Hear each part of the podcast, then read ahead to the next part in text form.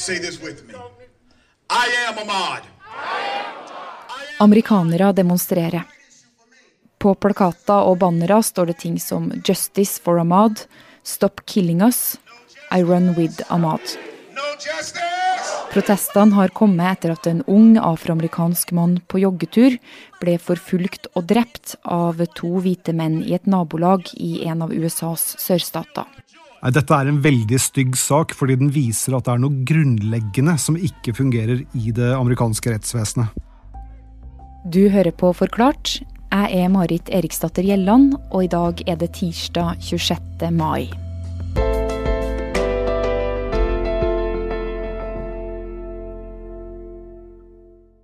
Nine one one. What's the address of your emergency?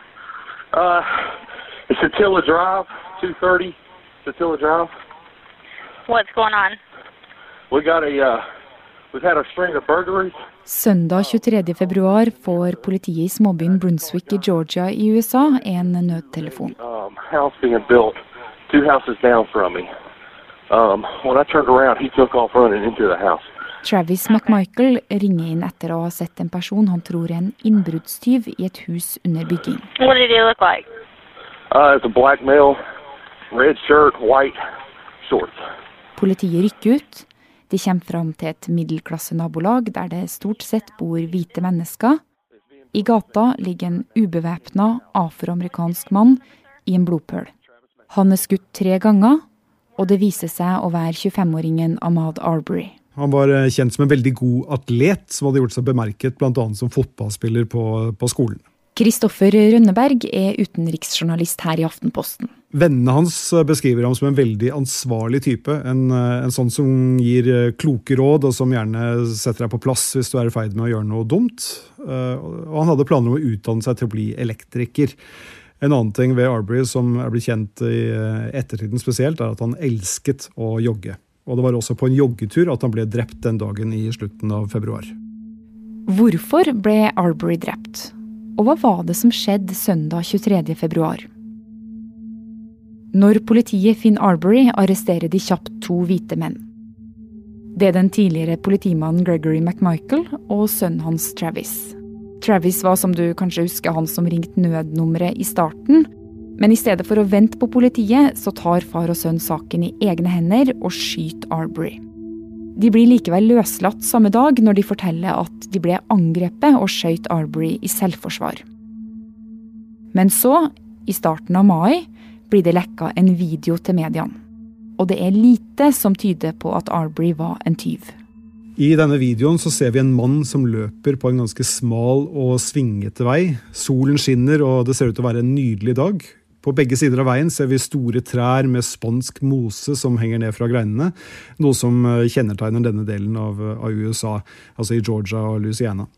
Og ganske raskt i videoen så ser vi at denne mannen som løper på venstre side, blir stanset av to menn i en hvit pickup truck som har stanset et stykke foran ham.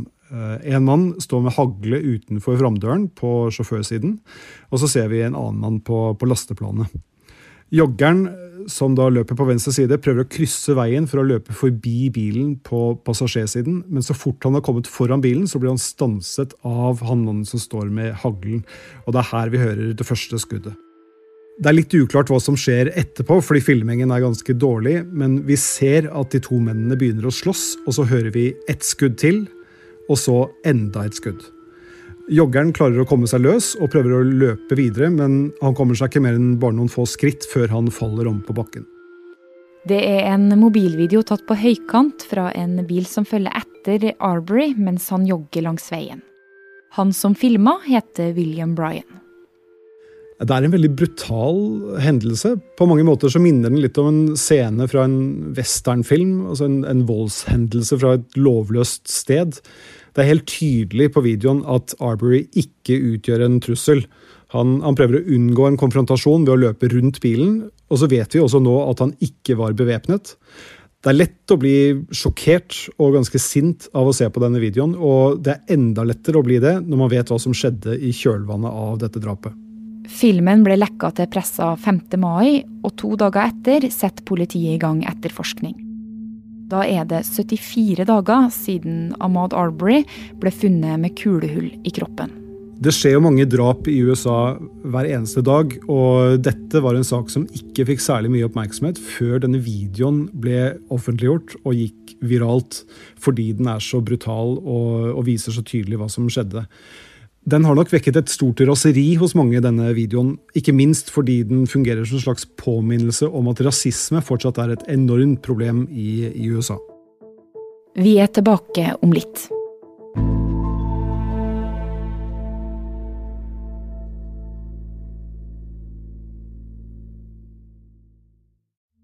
Drapet på Ahmad Arbery har skapt sterke reaksjoner.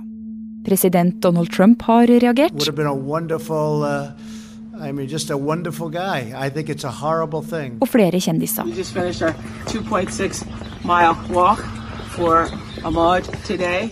Her hører du programleder Oprah Winfrey We walked in the name of justice. og musiker Alicia Keys. We're sending our love, our family is sending our love to you. Today we're especially thinking about Ahmad Aubrey's family and his mother. It's Mother's Day. Som viser sin støtte ved å springe samme lengde som Ahmad sprang på sin joggetur. Dette er en del av protesten I Run With Ahmad. We encourage you to do the same. Go to Run with Ahmad. That's run Kristoffer, hvorfor skaper denne saken så stort engasjement?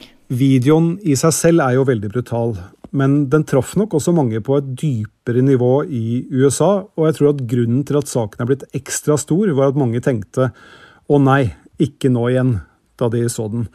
Mange svarte amerikanere opplever at lovverket fungerer annerledes for dem enn for den hvite befolkningen. Jeg tror vi, jeg tror vi har lett for å glemme at de store skillelinjene mellom befolkningsgruppene i USA mye handler om klasse, altså at du har en ganske stor, rik middelklasse, og så har du også en stor, fattig underklasse. Og Det som gjør at utfordringen blir ekstra stor i USA, er at disse klasseskillene også i stor grad er et skille mellom folk av ulik hudfarge. Og drapet på Arbery det ble nok en påminnelse for mange på at ting sannsynligvis ikke er blitt noe bedre de siste årene. Og den videoen minner jo mest av alt om en lynsjing. Ganske ofte syns jeg det kommer saker fra USA om afroamerikanere som har blitt stoppa av politiet eller utsatt for vold av hvite amerikanere.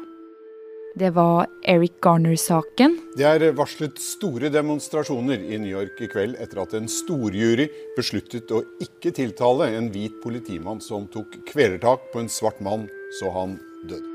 det er Tamir Rice-saken i 2014, Det blir ikke reist tiltale mot den hvite politimannen som skjøt og drepte en tolv år gammel svart gutt i Cleveland i USA i fjor. Det har en storjury bestemt. Den mener at politimannen ikke kunne vite at pistolen som Tammy Rice trakk frem, ikke var ekte, men et luftvåpen som bare skjøt plastkuler. og Ferguson-opptøyene samme år, som kom i forbindelse med at en 18-åring ble skutt og drept av politiet. I natt norsk tid kom avgjørelsen.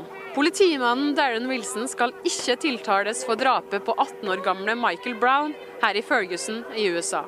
Hvis du er afroamerikaner i USA, så må du dessverre alltid tenke på at du må ta andre forholdsregler enn folk som er lyse i huden. Folk behandler folk annerledes. I politiet f.eks. Her finnes det masse forskning som viser forskjellene. Er du mørk i huden, så er det mye mer sannsynlig for at du blir stanset i trafikken enn hvis du har lys i huden. Eh, Den du er og det miljøet du bor i, kan avgjøre om du ser på en politibetjent og tenker eh, ro og orden, eller om du blir redd for hva som skal skje. Og Én ting er jo politiet, men så er det også vanlige borgere som tar loven i egne hender, sånn som far og sønn McMichael gjorde med Arbery. I 2012 var det en sak som lignet på denne, som også skapte veldig mye bråk da den da 17 år gamle Trayvon Martin, som var afroamerikansk, ble skutt i Florida av en mann som ikke var afroamerikansk, og som senere ble frikjent for drapet fordi han sa at det var i selvforsvar, selv om alle bevisene tydet på noe helt annet. Det her sa jo også far og sønn McMichaels, men nå er de arrestert og sikta for drapet på Arbery. Og det er en del saker som det her. Hva er det som ikke fungerer i USA? Noe handler om en grunnleggende skjevhet i hvordan samfunnet er bygget opp.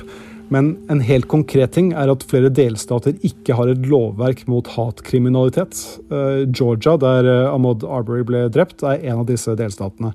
Og Det betyr at saken blir behandlet uten at man tar inn som en faktor at eh, rasisme kan ha vært en del av bildet. Et annet problem er at borgere i flere delstater har ganske store og utvidede rettigheter til å ta seg en rolle som et slags politi, og det var det som skjedde i denne saken.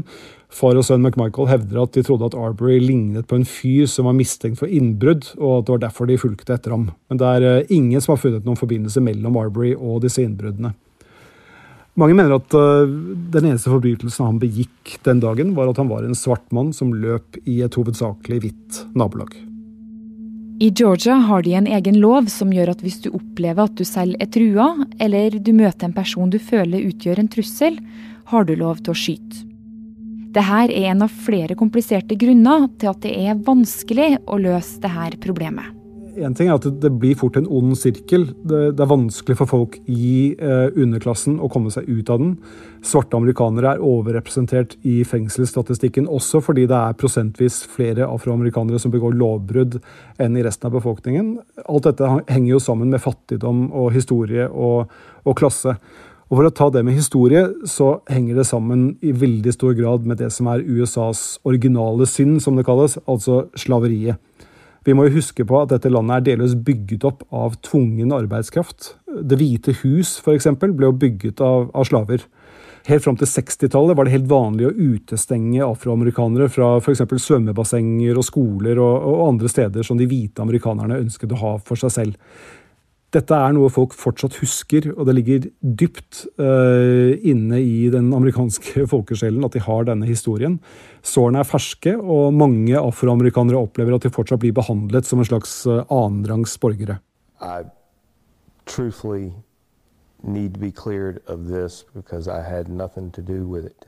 Rett før helga ble denne mannen arrestert. I've never been involved in anything William Bryan var mannen som filma drapet på Ahmad Arbery, og nå er han sikta for medvirkning til drap.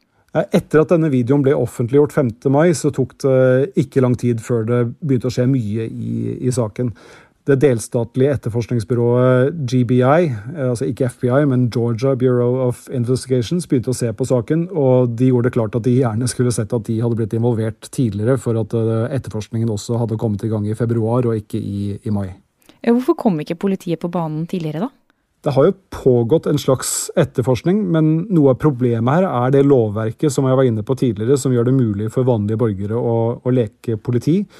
Eh, I tillegg så ser det ut til at i det lokale rettsapparatet her, så er det flere som ser ut til å være enige med far og sønn McMichael i at de hadde god grunn til å stanse Arbery, og at drapet kan ha skjedd i selvforsvar. Men så fort man har sett videoen, så skjønner man jo at det argumentet det er det vanskelig å fortsette å bruke. Så viser jo den videoen her ganske tydelig at Arbery han ble drept. Er det da egentlig noe tvil i denne saken? Ja, Nå er tre menn siktet for drap, og det er jo retten som skal avgjøre akkurat det spørsmålet. Man kan jo tolke denne videoen som man vil, men det er klart at uh, den kommer uansett til å være et viktig bevis i saken. Eh, men dette sier jo litt om hvor vilkårlig systemet i USA er. Hadde det ikke vært for at episoden ble filmet, så er det jo lett å tenke seg at det aldri hadde blitt noen rettssak i det hele tatt. Denne saken ble stor etter at media fikk videoen. Kan egentlig USA stole på politiet sitt? Nei, Dessverre så, så er svaret på det i, i, til en viss grad nei. Det amerikanske justisdepartementet har selv lagt fram rapporter som konkluderer med at politivesenet har et stort problem med rasisme i rekkene. Igjen, det er altså mye større sjanse for å bli stanset i trafikken hvis du er svart. Og så fort det blir stanset, så kan situasjonen utvikle seg i en skummel retning. De siste årene har vi hørt om flere tilfeller av afroamerikanere som er skutt av overivrige politifolk etter det som har begynt som en relativt eh, ufarlig situasjon. Og Kristoffer, nå sitter jo vi og snakker om denne saken, og media overalt i verden rapporterer om det som har skjedd og det er protester blant vanlige folk og kjendiser. Kan dette endre noe for framtida i USA? Det positive er jo at historier som denne kommer ut, at de blir fortalt, og at folk reagerer. Da øker jo også sannsynligheten for at man finner en måte å forbedre systemet på. Heldigvis så er USA et fritt og åpent samfunn hvor man kan ha den type debatter når det er noe som ikke fungerer som det skal. Og det må nok store strukturelle endringer til, også på, på, fattigdomsutviklingen og på velstandsfordelingen i USA for at man skal kunne løse disse store, grunnleggende problemene i USA.